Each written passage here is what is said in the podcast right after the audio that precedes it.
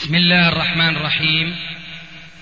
الحمد لله والصلاة والسلام على رسول الله أما بعد. فهذا أحد أشرطة سلسلة الهدى والنور من الدروس العلمية والفتاوى الشرعية لشيخنا المحدث العلامة محمد ناصر الدين الألباني حفظه الله ونفع به الجميع. قام بتسجيلها والتأليف بينها محمد بن أحمد أبو ليلى الأثري. إخوة الإيمان والآن مع الشريط الثامن والأربعين بعد المئة السابعة على واحد. تم تسجيل هذا المجلس في الثالث والعشرين من محرم 1414 هجري الموافق الثالث عشر من الشهر السابع 1993 ميلادي. هذه صحوة هذه بدء الصحوة لكننا نريد أن نسمع شيئا ثالثا. ألا وهو قال الله قال رسول الله قال السلف الصالح. بدون القول الثالثة والأخيرة لا يمكن أبدا لعالم مؤمن حقا بما جاء في الكتاب والسنة. لا يمكنه أبدا أن يكون على هدى من ربه في تفسيره لكتاب الله ولسنة رسول الله صلى الله عليه وآله وسلم إلا إذا لجأ إلى تلقي ذلك عن أصحاب الرسول وسلك سبيل المؤمنين الأولين. ومن يشاقق الرسول من بعد ما تبين له الهدى ما قال الله رأسا نوليه ما تولى وإنما عطف على مشاققة الرسول فقال ويتبع غير سبيل المؤمنين. هل قال الله يتبع غير سبيل المؤمنين عبثا؟ حاشا لله عز وجل. إذا لماذا هذه الجملة؟ أليس كان يكفي أن يقول الله ومن يشاقق الرسول؟ نولي ما تولى ولو من بعد ما تبين الهدى كان يكفي لو أردنا الاعتماد فقط على الكتاب والسنة. لكن الله عز وجل لحكمة جلية ظاهرة قال ويتبع غير سبيل المؤمنين. والرسول صلى الله عليه وآله وسلم حينما يعظ أصحابه يلفت نظرهم ويدندن على مسامعهم مرارا وتكرارا أن يأخذوا بسنته وسنة أصحابه. ما قال عليه السلام حينما وصف الفرقة الناجية أنها التي تكون على ما كان عليه الرسول فقط وإنما عطف فقال ما أنا عليه وأصحابي ما أنا عليه وأصحابي.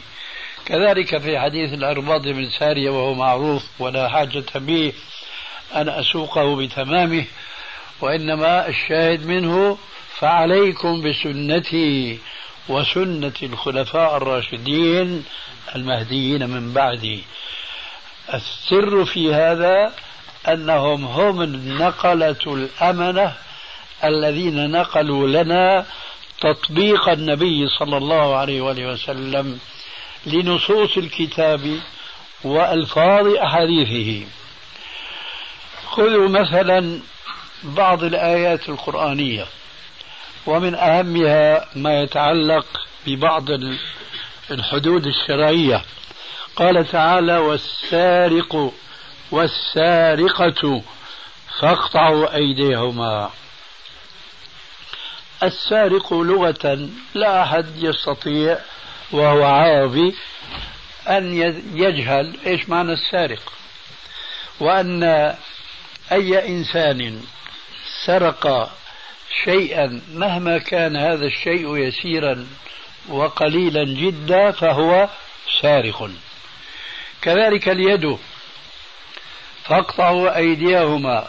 أيضا اليد معروفة لكن السارق كما هو معروف لكن له عدة صور.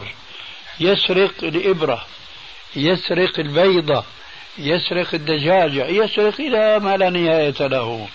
كل هذه السرقات بكل أنواعها يقال للسارق سارق. فهل كل سارق تقطع يده؟ الجواب لا. من أين لنا؟ من القرآن. القرآن أطلق. قال والسارق. لا من بيان الرسول عليه السلام. حيث قال لا قطع إلا في ربع دينار فصاعدا. لا قطع. إلا في ربع دينار فصاعدا. إذا من سرق ما هو أقل من ربع دينار لا يجوز قطع يده. يكون بغيا وظلما عليه إذا ما قطع يده. هذا واضح. لكن الذي يحتاج إلى أكثر من هذا التوضيح أن أن الله حينما قال فاقطعوا أيديهما. نجد اليد تطلق في بعض المرات فيراد بها الذراع إلى المرفقين ونجد أحيانا اليد تطلق فيراد الكفين فقط. فيا ترى حينما قال الله عز وجل في هذه الآية فاقطعوا أيديهما. ما هي اليد المقصود هنا؟ لغة سواء قطعت يد السارق من عند الرسغ أو من عند المرفق أو من عند الكتف كل ذلك يد وكل من طبق نص هذا القرآن بأي وجه من هذه الوجوه الثلاثة الكف أو الذراع أو اليد كلها عند الكتف لغة طبق النص القرآني يد فاقطعوا أيديهما. لكن هل هذا شرع؟ الجواب لا. من أين؟ من تطبيق الرسول لهذا النص القرآني. أي حينما قطع يد السارق لم يقطعها من عند الكتف ولا من عند المرفق وإنما من عند الرسغ. من أين عرفنا هذا؟ من صحابة من هؤلاء النقل الأمنة. هم الذين إذا نقلوا إلينا هذا الإسلام بكل تفاصيله التي أشرنا إليها ولو بكلمة مجملة. لذلك يقول الإمام ابن قيم الجوزية رحمه الله في شعره العلمي العلم قال الله قال رسوله قال الصحابة ليس بالتمويه ما العلم نصبك للخلاف سفاهة بين الرسول وبين رأي فقيه؟ كلا ولا جحد الصفات ونفيها حذرا من التعطيل والتشويه. إذا العلم ما هو؟ قال الله قال رسول الله قال أصحاب رسول الله. هذا الذي أردت أن أؤكد على مسامعكم ترداد دائما مع الكتاب والسنة الصحابة. هذا إلى الآن قليل من الناس من ينتبه لهذه الضميمة التي أشار إليها ربنا في الآية السابقة ويتبع غير سبيل المؤمنين. فسبيل المؤمنين في مثالنا والأمثلة كثيرة وكثيرة جدا. في مثالنا سبيل المؤمنين قطع يد السارق من عند الرسل. وليس من عند المرفق ولا من عند الكتف. فمن فعل خلاف هذا فقد شاقق الرسول واتبع غير سبيل المؤمنين.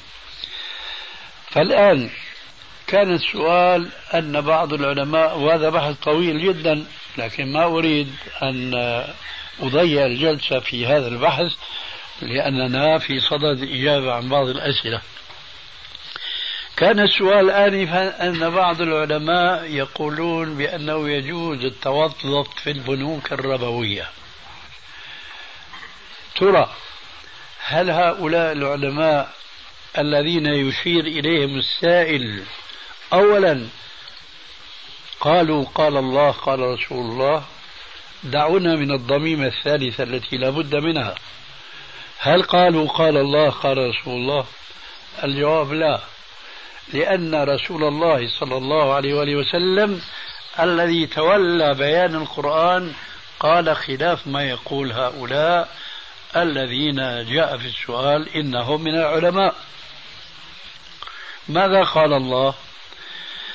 قال عز وجل وتعاونوا على البر والتقوى ولا تعاونوا على الإثم والعدوان فمن يشك لا أقول من يشك من أهل العلم بل ولا أقول من يشك من طلبة العلم بل هل هناك مسلم ذو عقل يشك في أن الذي يعمل موظفا في البنك هو يعين البنك على أكل أموال الناس بالباطل وعلى أكل ما حرم الله؟ ما أظن أحدا يشك في هذه الحقيقة. وإلا لم يكن في قدرته أن يفهم معنى ولا تعاونوا على الإثم والعدوان. التعاون على الإثم غير ارتكاب الإثم مباشرة. هذه حقيقة علمية يعرفها لا أقول أهل العلم بل طلاب العلم المبتدئين. إليكم الآن من بيان الرسول عليه الصلاة والسلام المتعلق بمثل هذه الآية. ولا تعاونوا على الإثم والعدوان. أكل الربا لا شك فيه عند أحد من المسلمين إطلاقا وأنه من الكبائر. وأن شرب الخمر أو إدمانه أنه من المحرمات إن لم يكن أيضا من الكبائر. فالذي يأكل الربا فهو وقع في الكبيرة. الذي يشرب الخمر فكذلك. ترى لو لم يكن هناك التعاون على المنكر هل استطعتم أن تجدوا مرابيا يأكل أموال الناس بطريق الربا؟ لا. هل كنتم تجدون شاربا للخمر إذا لم يكن هناك متعاونون على المنكر؟ الجواب لا. والدليل من السنة المبينة للقرآن لعن الله في الخمرة عشرة. يقول رسول الله صلى الله عليه وآله وسلم لعن الله في الخمرة عشرة. فأول ما ذكر عليه السلام شاربها. شاربها. ثم عطف على ذلك بقية العشرة. قال ساقيها ومستقيها وعاصرها ومعتصرها وبائعها وشاريها وحاملها والمحمول إليه. كل هؤلاء لم يشربوا الخمر. لكنهم هم السبب في وجود شارب الخمر. لو لم يكن مثلا بائع العنب لمن يعصرها خمرا لم يوجد خمر في الدنيا. إذا ولا تعاونوا على الإثم والعدوان يلعن شرعا الذي لا يشرب الخمر ما دام أنه يعين شارب الخمر. أي يهيئ الأسباب ليتمكن من شرب الخمر. هذا حديث متفق عند علماء المسلمين على صحته. وقد جاء عن النبي صلى الله عليه وسلم من طرق عديدة صحيحة. الحديث الثاني وهو في صلب الموضوع. لعن الله آكل الربا وموكله وكاتبه وشاهديه. فهل يتصور عالم يقول لا بأس أن يكون المسلم موظفا في البنك المرابي وهو يكتب الربا ورسول الله يقول لعن الله آكل الربا وموكله وكاتبه وشاهديه. هذا ليس عالما. قد يكون عالما من باب يا أيها الذين آمنوا لم تقولون ما لا تفعلون؟ كبر مقتا عند الله أن تقولوا ما لا تفعلون. لا أتصور رجلا مؤمنا بالله حقا وعالما بالكتاب والسنة حقا ومع ذلك فهو يقول ويفتي بتلك الفتوى الجائرة أنه يجوز للمسلم أن يكون موظفا في البنك. الآن طرحنا السؤال التالي مرارا وتكرارا وكان الجواب واحدا بالإجماع. لا أقول الآن هؤلاء الموظفين وإنما أقول هؤلاء الأغنياء الذين هم ليسوا عمالا في البنك لكنهم أودعوا أموالهم في البنك. لو أنهم أجمعوا جميعهم على أن يسحبوا رؤوس أموالهم من أكبر بنك من البنوك الربوية هذه ماذا يصيب البنك؟ بالإجماع ستقولون الإفلاس. إذا من الذي أوجد البنك؟ هؤلاء الذين يطعمون الربا. هم قد يقولون نحن نودع ونضع أموالنا في البنك محافظة عليها ولا نأكل الربا. يظنون أنهم بذلك يحسنون صنعا. كلا ثم كلا. بدليل أنهم لو سحبوا هذه الأموال لأفلست البنوك إذا هؤلاء الذين يودعون أموالهم في البنوك هم سبب وجود آكلي الربا. إذا صدق رسول الله صلى الله عليه وسلم حينما قال لعن الله آكل الربا وموكله فإذا كان يلتعن شرعا من كان خارج البنك بسبب أنه هو السبب وجود هذا البنك. فالآن ننتقل إلى الصورة التي لا علاقة مباشرة بالسؤال. هؤلاء المتعاملين مع البنوك لا يزالون يودعون أموالهم في البنوك. لو فرضنا أن هؤلاء الموظفين في البنك تابوا وأنابوا إلى الله عز وجل ما أقول حينما سمعوا فتوى الشيخ خلاف فتوى ذلك العالم. وإنما أقول حينما سمعوا حديثي الرسول عليه السلام أولا الحديث المتعلق بهم لعن الله آكل الربا وموكله وكاتبه وشاهديه ثم الحديث لعن في الخمرة عشرة سمعوا هذين الحديثين فأنابوا إلى الله وتابوا وانسحبوا. شو بيصيب البنك بيتعطل بلا شك. إذا التعاون على المنكر نص في القرآن الكريم ومبدأ إسلامي عظيم جدا. لا يجوز لمسلم أن يعين مسلما على منكر فضلا عن أن يعين كافرا على منكر. ومن مشاكل البنوك التي تسمى اليوم مع الأسف الشديد بغير اسمها البنوك الإسلامية. لو كان هناك بنوك إسلامية فرؤوس أموالها مودعة في البنوك الكافرة في أوروبا في سويسرا في في إلى آخره.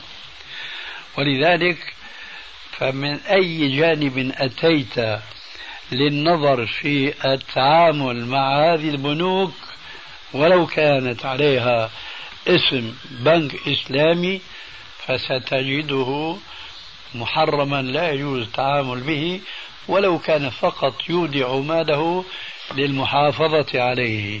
وهذا في الحقيقة بحث طويل وطويل جدا لكن حسبي الآن أنني ذكرت السائل مباشرة والحاضرين بأن الذي يفتي بأن المسلم يجوز له أن يكون موظفا في البنك والبنك يتعامل بالربا أن هذا جهل أو تجاهل الآية القرآنية ولا تعاونوا على الإثم والعدوان.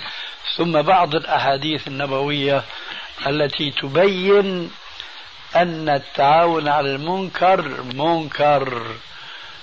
أردت أن أختم الجواب بهذا. ثم خطر في بالي حديث كنت أود أن لا أطيل الكلام بذكره أيضا لولا أني أعلم أن أكثر المسلمين أيضا غافلين هم غافلون عن ارتباط هذا الحديث بالآية السابقة. ولا تعاون على الإثم والعدوان هذا من جهة. ثم إنهم يخالفونه في أنفسهم أو في ذويهم في عائلتهم. أعني بذلك قوله عليه الصلاة والسلام لعن الله النامصات والمتنمصات. المتنمصات خلينا نقولها بالتعبير السوري المنتوفات. يعني المرأة تنتف مثلا حاجبيها. لكن هي ما تستطيع أن تنتف حاجبيها في نتافة في نتافة هي اللي بتنتف لها حاجبها شو عاملة هي لولاها ما كانت المنتوفة. فأنتم عم تشوفوا بقى كيف أنه هذا المثال مكمل أو من تمام الأمثلة الكثيرة جدا التي تفسر ولا تعاونوا على الإثم والعدوان. لعن الله النامصات يعني الزينات خلينا بقى نقول كلمة هذه. النامصات والمتنمصات يعني زبونة والواشمات والمستوشمات. الوشم معروف خاصة في بعض الفلح. بتلاقي ليس النساء بل الرجال أيضا. بتلاقي هذا الحيوان اللي هو في صورة الإنسان راسم في عروقه وفي جلده الذي أحسن الله خلقه جعله بشرا سويا مصور في صورة أسد وحامل سيف. بإيش؟ بالوشم. طيب هذا من الذي صوره؟ الواشم. فهو مستوشم أي طالب الوشم من غيره. لو لم يكن الواشم ما كان المستوشم. فانظروا كيف أن الرسول عليه السلام يريد أن يجعل المجتمع الإسلامي مجتمعا متعاونا على المعروف متناهيا عن المنكر. لعن الله النامصات والمتنمصات والواشمات والمستوشمات والفالجات والمتفلجات هي ما شفناها ونرجو إنه ما نشوفها. لكن عم نشوف ما هو شر منه. الظاهر كان قديما زين الشيطان لبعض النسوة أن يغيرن من خلق الله الحسن الجميل. فكما تعلمون أن الله عز وجل خلق في فم كل إنسان أسنان كاللؤلؤ المرصوص فلا يعجبها خلق الله. فتذهب عند الفالجة الفالجة يعني مزينة حلاقة تأخذ مبردا دقيقا فتوسع بين السن والسن فيحلو لها أن يظهر سن من أسنانها بعيدا عن جانبي السنين محيطين بها فيعجبها أن يظهر لها ناب كناب الكلب مثلا. هذا خير عندها من أن تكون أسنانها كما خلقها الله عز وجل. هذا هو الفلج وتلك هي الفالجات والمتفلجات. لماذا أنكر على هذين الجنسين الواقع المنكر فيه والموقع للمنكر عليه؟ لأنهم تعاونوا على المنكر في خصوص هذه الخصال المذكورة هنا قال عليه الصلاة والسلام في آخر الحديث المغيرات لخلق الله للحسن. الحقيقة يا أخوانا لو أن المجتمع الإسلامي يمشي بهذه الآية فقط ولا تعاونوا على الإثم والعدوان كنا كما كان آباؤنا الأولون يعيشون في عز ومجد يخافهم الأعداء مسيرة شهر ولكن مع الأسف أصبحوا الآن يتعاونون على المنكر. ماذا نقول؟ اليوم الحلاق هل بيعيش بحلق ذكون الرجال هذا تعاون على المنكر. ولا يشعرون أبدا أنهم يأتون بمعصية. الذي يبيع ال ال الألبسة الضيقة للنساء شو بيسموها؟ البلاطين البلاطين لا لا هذه كنت أنت بإيش بالعمل تبعك البيزون البيزون شيخ. مو نوع معين. آه. النفتيه نفتيه نعم. هدول يعني بيو نفتيه هدول أكثر أموالهم محرمة لأنهم يعينون على المنكر. ولذلك هدى الله أخانا هاد وتاب من بيع النفوتي الحمد لله. الحمد لله. هذا كله بيان ولا تعاونوا على الإثم والعدوان ومن التعاون على الإثم والعدوان أن تكون موظفا ليس في البنك فقط ولو أجير حلاق ولو نفوتي ولو ولو إلى آخره. ولذلك أحذروا فإن ما عند الله لا ينال بالحرام. غير وإيش فيه؟ أنت أخذت حصتك أعطينا عندك إيش فيه. تفضل. أنت يا أخي. بالنسبة للزكاة. آه. آه هل كلما أتى الإنسان مال جديد من مصدر غير الذي آه غير رأس المال كالتجارة ونحوه هل يجعل له حولا جديدا؟ هذا سؤال. والسؤال الآخر. خليك سؤالا لا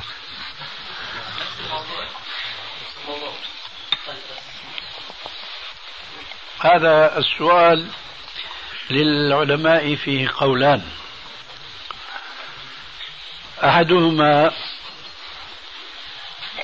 إذا تم النصاب في أول شهر رمضان فلا يجب عليه الزكاة إلا في الشهر الثاني من السنة أو من رمضان الثاني. فإذا جاء في شوال نصاب ثان فوجب عليه في شوال الثاني وهكذا دواليك. آه القول الثاني أن هذا لا يشترط وإنما المهم أن يحول الحول على النصاب الأول ثم إذا جاء وقت إخراج الزكاة عن هذا النصاب في آخر السنة يخرج زكاة المال المتوفر عنده كل المال المتوفر عنده يخرج زكاته. ولو كان أنصبة وجلها أكثرها لم يحل عليها الحول وإنما يضم إلى النصاب الأول ويخرج عن مجموع المال الذي تجمع لديه. هذا القول هو الذي يبدو أنه آه، عملي وأنه من الصعب جدا خاصة على الأغنياء الذين يتوفر لديهم كل يوم مثلا أو كل شهر نصاب أو أنصبة تختلف ما بين يوم وليلة. هذا الرأي هو الذي يتفق مع قوله تعالى يريد الله بكم اليسر ولا يريد بكم العسر وقوله عز وجل وما جعل عليكم في الدين من حرج. ولكن إذا كان هناك مجال لتنظيم الأنصبة دون أن يكون ثمة حرج ما فهذا هو الأصل أنه لا يجب زكاة على مال حتى يحول الحول. فإذا كان التاجر في وضع باستطاعته أن يحصي الأنصبة فهذا هو الأصل. وإلا أخرج عن كل المال المتوفر لديه ولو كان حال الحول على نصاب واحد. هذا هو جواب ذاك السؤال. تفضل. بالنسبة لمساله الربا. فبما أنه حتى البنوك الإسلامية الآن يعني هي ليست إسلامية في الحقيقة فيأتي يعني بعض الناس فيقولون ما البديل اذا؟ بحجة يعني هذه النقطة. هذه كليشة العصر الحاضر. كلما أشكل الأمر على بعض الناس بيقول لك هات البديل. طيب أنا بدي أجيب لك البديل ولا أنت ولا المجتمع الإسلامي هو الذي يوجد البديل. فما هو البديل؟ البديل في القرآن الكريم يا جماعة. قال تعالى ومن يتق الله يجعل له مخرجا ويرزقه من حيث لا يحتسب. لا إله إلا الله. يقول الرسول عليه السلام وأرجو الانتباه لهذا الحديث وما سنبني عليه إن شاء الله. من بنيان صحيح. ستداعى عليكم الأمم كما تداعى الأكلة إلى قصعتها. قالوا أو من قلة نحن يومئذ يا رسول الله؟ قال لا أنتم يومئذ كثير ولكنكم غثاء كغثاء السيل. ولا ينزعن الله الرهبة من صدور عدوكم ولا يقذفن في قلوبكم الوهن.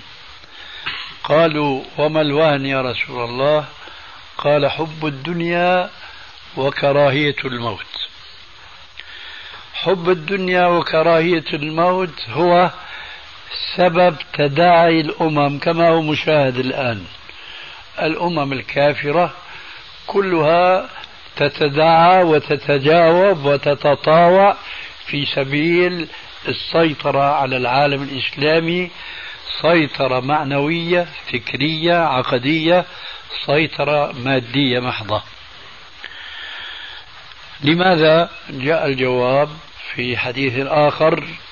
إذا تبايعتم بالعينة وأخذتم أذناب البقر ورضيتم بالزرع وتركتم الجهاد في سبيل الله سلط الله عليكم ذلا. لا ينزعه عنكم حتى ترجعوا إلى دينكم. إذا البديل الجواب هنا في الحديث حتى ترجعوا إلى دينكم. فإذا كان التعامل بالربا محرما وكانت البنوك أساسها على هذا المحرم فالذي يطلب البديل هل يريد الشرع أن يمشي مع هواه وهو لا يمشي مع هوى الشرع؟ الذي قال حتى ترجعوا إلى دينكم. إذا البديل أن المسلمين كما قال رب العالمين إن الله لا يغير ما بقوم حتى يغيروا ما بأنفسهم. إذا البديل أن نرجع إلى ديننا أن نرجع إلى أحكام ربنا كما ابتدأنا الجواب بالآية السابقة ومن يتق الله يجعل له مخرجا ويرزقه من حيث لا يحتسب. نحن اليوم نحن اليوم معشر المسلمين لبعدنا عن التصفية والتربية التي ذكرناها قبل صلاة العشاء نريد أن نحقق أهدافنا المادية الشخصية بطريقة سواء كانت شرعية أو غير شرعية. إذا نحن هدفنا تحقيق أهوائنا وليس هدفنا طاعة ربنا واتباع نبينا عليه السلام. إذا إن الله لا يغير ما بقوم حتى يغيروا ما بأنفسهم.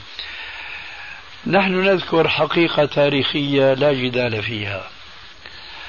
العرب الأولون حينما بعث فيهم الرسول عليه السلام كان وضعهم المادي شرا من وضعنا. كانوا فقراء.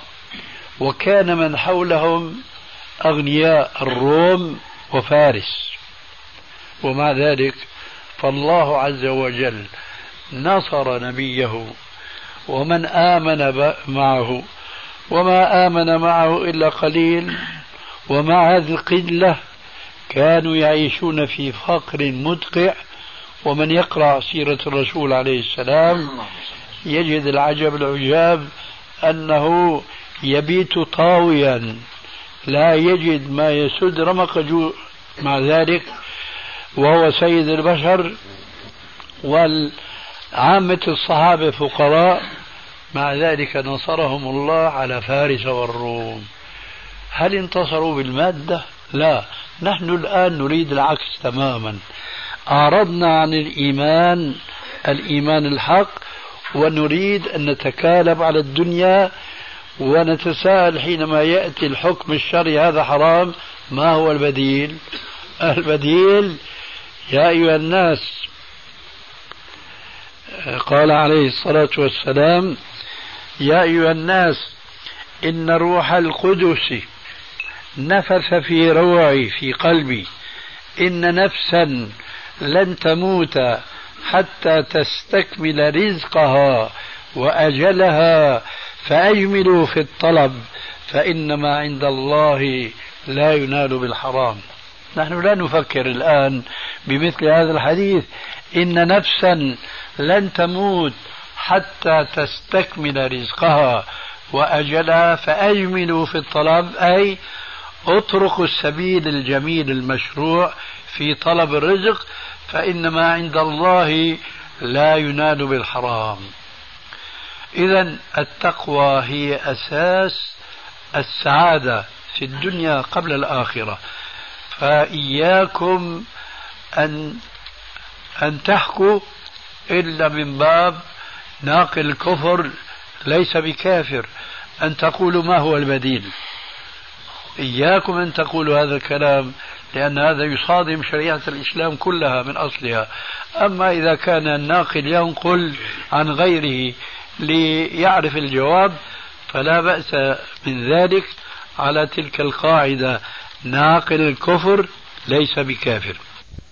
ختاما أريد بهذه المناسبة أن أروي لكم حديثين صحيحين وهما من الواضح جدا أنه يمكن اعتبارهما بيانا للآية السابقة ومن يتق الله يجعل له مخرجا.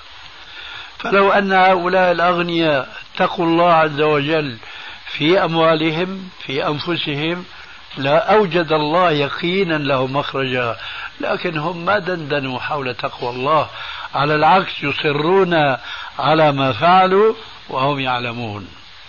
الحديثان الأول منهما ما رواه الإمام البخاري في صحيحه من حديث أبي هريرة رضي الله تعالى عنه قال قال رسول الله صلى الله عليه وآله وسلم كان في من قبلكم رجل جاء إلى غني فقال له أقرضني أنا أشك الآن قال مئة دينار أو ألف دينار وغالب الظن ألف دينار.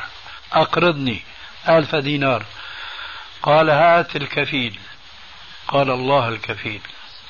قال هات الشهيد. قال الله الشهيد.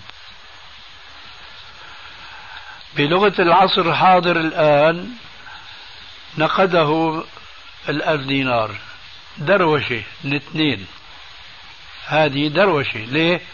لا في سند ولا في كمبيالية ولا في أي شيء. بيقول له هذاك الغني بدنا شاهد. بيقول له الله الشاهد. كفيل الله كفيل والله كلام جميل. سلم له سلمه ألف دينار. مين بيعمل اليوم هذه؟ لا أحد. شوفوا العاقبة. وصدق الله والعاقبة للمتقين. أخذ الرجل ألف دينار وخرج مسافرا في البحر يضرب بماله الذي استقرضه. حل الموعد الذي كان اتفق عليه وهو بعيد عن بلد الغني. وهو رجل صادق مع الله عز وجل يريد أن يفي بوعده للذي أحسن إليه. ولكن فوجئ بأن الموعد حان وهو بعيد عنه. ماذا فعل؟ جاء إلى خشبة فأحسن نقرها ودك فيها الدنانير الذهبية. ثم حشاها حشوا جيدا ثم جاء إلى ساحل البحر قال اللهم أنت كنت الكفيل وأنت كنت الشهيد. ورمى هذه الخشبة في البحر. في حدا منكم بيقول إنه هي مو دروشة منتهى الدروشة. إضاعة المال إهلاك للمال. لكن الله عز وجل الذي يعلم بما في الصدور يأمر البحر وأمواج البحر فتأخذ هذه الخشبة إلى البلدة التي فيها الغني المحسن. الغني خرج في اليوم الموعود ليستقبل المدين بدينه. ومكث ما مكث لكن ما جاء الرجل. وإذا بالخشبة تتلاعب بين يديه الأمواج. فمد يده وإذا بها واجنة ثقيلة. أخذها لما كسرها وإذا الذهب الأحمر ينهار بين يديه. قصة غريبة. ثم عاد الرجل.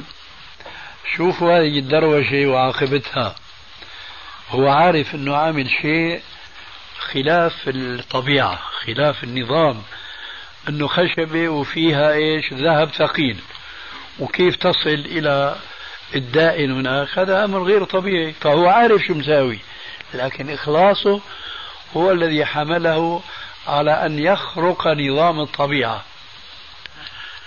ولذلك تجاهل كل ما صنع ومد يده وسلم الدائن حقه. إن كان مئة صاروا مئتين وإن كان ألف صاروا ألفين. استغرب الدائن. فقص عليه القصة. هي طيبة القلب إن الطيور على أشكالها تقع. لو وقعت هذه القصة مع واحد اليوم الله أكبر. ما حدا عنده خبر إنه هذا التقط من البحر خشبة متكوك فيها ألف دينار أو مئة دينار؟ حتى يحكي. لكن ما الذي دفعه أن يقول لهذا المدين؟ إخلاصه لأنه شعر أنه في في القضية في شيء خلاف الطبيعة قصة قصة الخشبة قال له والله أنا الذي فعلت هذا لما شعرت بأنه ما أستطيع أن أفي بالوعد معك فأنا فعلت كذا وكذا وكذا. ماذا قال؟ قال بارك الله لك في مالك وعاد إليه الألف دينار واكتفى بما جاءه بطريق غير طريق المعهود الطبيعي. هذا يصدق عليه ومن يتق الله يجعل له مخرجا. ويرزقه من حيث لا يحتسب. هذا الحديث الأول. الحديث الثاني أيضا هو من حديث أبي هريرة لكنه في صحيح مسلم.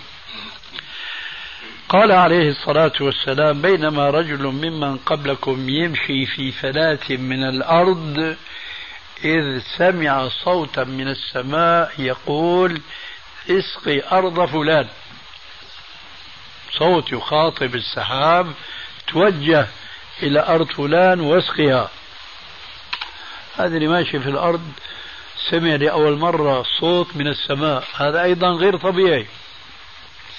كان السحاب مثلا يمشي شرقا وإذا أخذ جنوبا أو شمالا. فمشى مع السحاب لم يمضي إلا قليلا. وإذا السحاب يفرغ مشحونه من المطر في على حديقة. ما حول الحديقة لا مطر. أطل على الحديقة وإذا به يرى صاحبها يعمل فيها بالمنكاش. سلم عليه وكان سمع اسمه. فتعجب الحدائق هذا. ورأى الرجل كأنه غريب فسأله من أين وكذا؟ كلام معهود. قال له والله أنا كنت أمشي فسمعت صوتا من السحاب اسقي أرض فلان فمشيت مع السحاب حتى وصلت إليك فعرفت أنك أنت المقصود فبما ذاك هنا الشاهد. قال والله لا أدري لكن أنا أملك هذه الأرض فأعمل فيها ثم أجعل حصيدة ثلاثة أثلاث. ثلث أعيده إلى الأرض الثلث الثاني أنفقه على نفسي وأهلي والثلث الثالث أنفقه على الفقراء والمساكين. قال فهو هذا. فهو هذا. أي بسبب تقواك لله في مالك فلن تنسى منه نصيبك ونصيب أهلك والفقراء من جوارك. فعاملك الله عز وجل بأن سخر لك السماء. هذا سخر الله له السماء ذاك سخر الله له البحر. سبحان الله إذا الحل يا جماعة والبديل تقوى الله. فاتقوا الله يا أولي الألباب. تفضل. ناخذ خمس دقائق شيخنا أخونا سليمان ضيف الإخوة. بسم الله الرحمن الرحيم. آه، حديث أورده الشيخ الطحان مثالا للحديث الضعيف. وصححه شيخنا الألباني. وقال الشيخ علي حشيش وهذا رجل محدث مصري قال الشيخ علي حشيش أن تصحيح الشيخ الألباني لهذا الحديث بأن جاء بمتابع لهذا الحديث في مسند الإمام أحمد قال أن هذا الحديث المتابعة التي جاءت له كانت متابعة قاصرة وأن الحديث بطوله ليس صحيحا. فما تعليقكم على هذا الحديث؟ سامحك الله هل ذكرت نص الحديث قبل هذا الشرح؟ قلت أن الحديث أورده الإمام الطحاوي مثالا للحديث. الله يهديك لا تعيد كلامك. نعم. اذكر نص الحديث. الحديث آه، آه، عن حكيم الأثرم عن أبي هريرة أنه قال قال رسول الله صلى الله عليه وسلم من أتى حائضا أو امرأة في دبرها أو كاهنا فقد كفر بما أنزل على محمد. نعم. ما هو الشاهد القاصر؟ الشاهد القاصر في مسند الإمام أحمد أنه جاء جاءت المتابعة في فقرة واحدة من فقرات الحديث وهي من أتى امرأة في دبرها فقد كفر بما أنزل على محمد. آه. والبقية ليس لها متابعة ولا أي شاهد؟ هي فقرة واحدة. إيه. مثل هذا السؤال يحتاج إلى أن يستحضر السائل الكتاب والتخريج والنص المتابع والمتابع. بعد ذلك يجري الجواب. أما هيك على الهواء هذا باحث علمي لا يقبل مثل هذا الكلام. يرحمك الله. فإن كنت آه، يعني جادا وحريصا على أن تحظى بالجواب عن هذا السؤال تتصل بي هاتفيا في كل ليلة من الساعة التاسعة إلى الساعة الحادية عشر. فأنا أفتح الكتاب أمامي وأنظر وأنا أسمع ما تقول وأعطيك الجواب إما بتراجعي عن خطئي أو لبيان خطأ غيري. وإياك إن شاء الله. تفضل. ما حكم الشرع في الأناشيد الدينية والضرب بالدفوف؟ وهل الدف مخصص للنساء دون الرجال؟ الحق ألحق الجواب بالبنوك الإسلامية.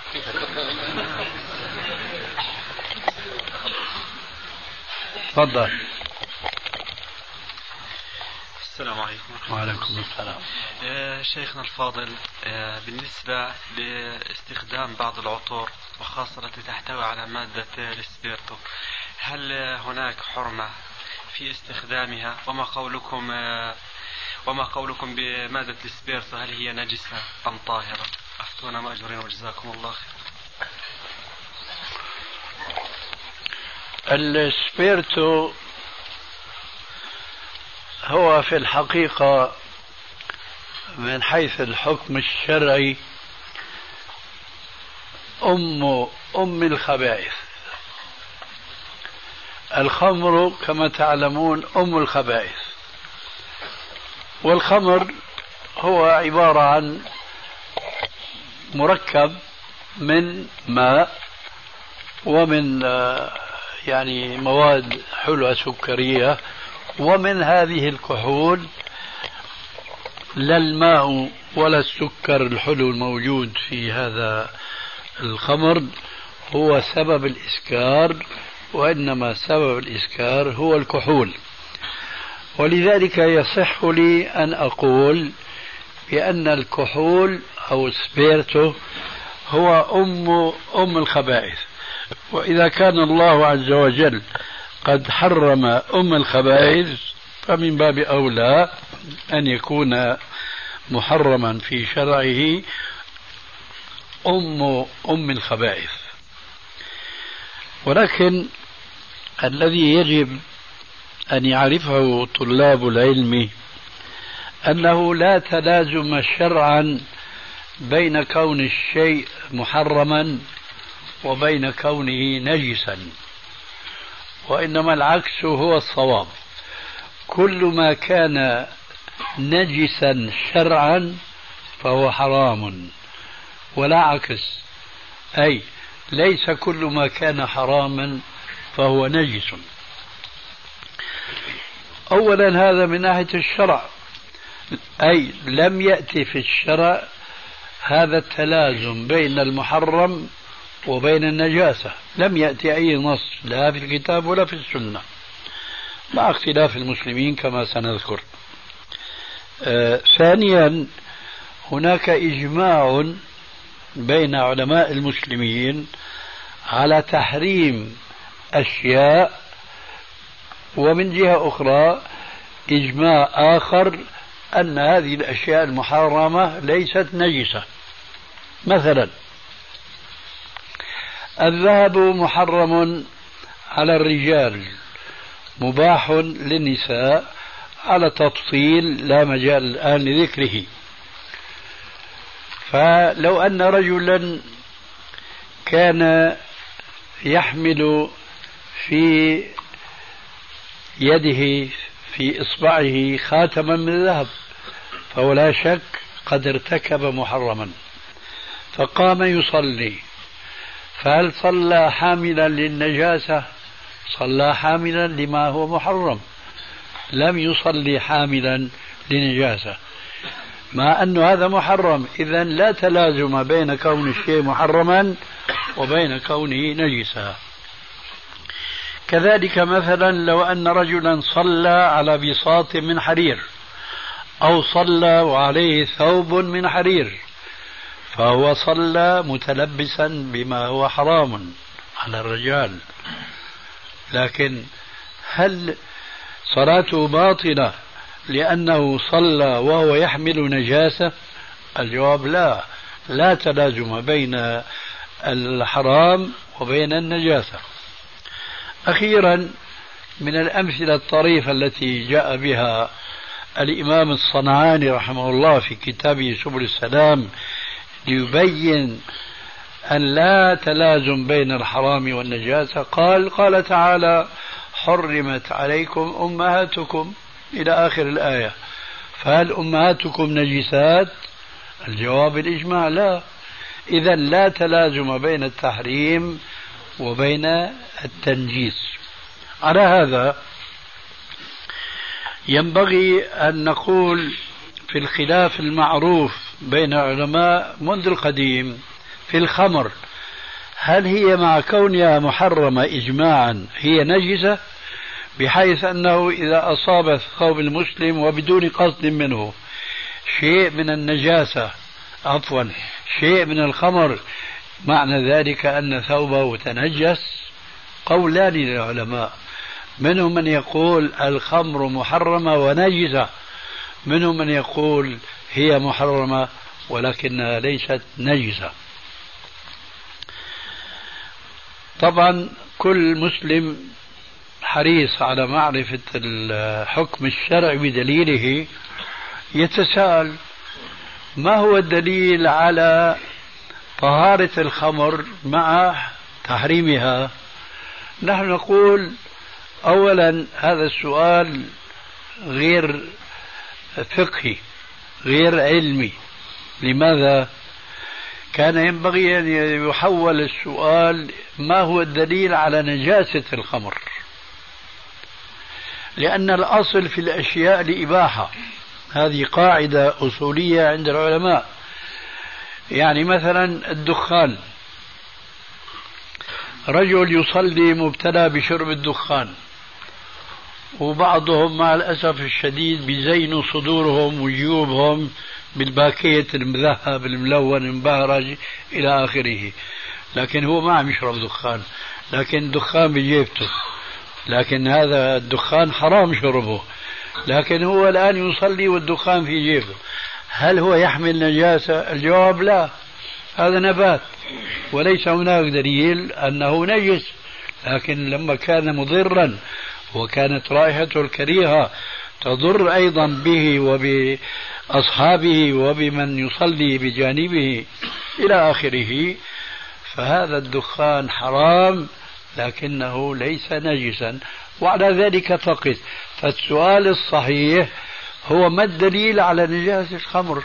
الجواب لا دليل سوى استلزام النجاسة من التحريم وقد بينا آنفا أن لا تلازم أن النجاسة منفكة عما كان محرما لكن الحرام ملازم لما كان نجسا. مع ذلك فمن باب التطوع والتنفل نحن نقدم بعض الأحاديث التي تدل على أن الخمر آه، مع نجاستها مع حرمتها فهي غير نجسه من ذلك مثلا أن الخمر حينما حرمت أمر رسول الله صلى الله عليه وآله وسلم بإراقتها في أزقة المدينة. ونحن نعلم أن الطرق يومئذ لم تكن كما هي الآن معبدة مزفته إلى آخره وإنما كانت من تراب. فسرعان ما تتحول تلك الأرض بمطر إلى وحول. كذلك لما الرسول عليه السلام أراق الخمر في أزقة المدينة والسر من ذلك أن يعم التحريم بين نفوس أولئك الناس الذين كانوا مبتلين بمعاقرة الخمر في الجاهلية فيعلمون أن هذه الخمر التي تمشي في أزقة المدينة أصبحت محرمة. نحن نعلم أن هناك أحكاما شرعية تتعلق بنعال الرجال والنساء وأنه يجوز لهؤلاء جميعا أن يصلوا في نعالهم. كما قال عليه الصلاة والسلام صلوا في نعالكم وخي وفي خفافكم وخالفوا اليهود. وقال عليه السلام إذا دخل أحدكم المسجد فليقلب عليه فإن كان بهما من أذى فليدلكهما بالتراب فإن التراب لهما طهور. وفيما يتعلق بالنساء ما يتعلق بذيولهن حيث كان الرسول عليه السلام حينما سمعت آه، أم سلمة في جملة من سمع قوله صلى الله عليه وآله وسلم من جر إزاره خيلاء لا ينظر الله إليه يوم القيامة. قالت يا رسول الله والنساء؟ قال عليه السلام يطلن شبرا. قالت هي أو غيرها؟ قالت يا رسول الله قد تأتي ريح. قال تطيل شبرا آخر أي تجره على الأرض. جاء سؤال في آونة أخرى يا رسول الله إحدانا تمر بذيلها على نجاسة. قال عليه السلام يطهره ما بعده. فإذا هذه الطريق لو كانت الخمر نجسة معنى ذلك أن الرسول عرض نعال الرجال والنساء وذيول النساء للتنجس فما كان رسول الله صلى الله عليه وسلم ليفعل ذلك لو كان الله قد أوحى إليه بأن الخمر نجسة كما هي محرمة. الدليل الثاني وهو أوضح أن النبي صلى الله عليه وآله وسلم لما نزل عليه تحريم الخمر وقال في آخر الآية فهل أنتم منتهون؟ قال عمر الخطاب انتهينا يا رب.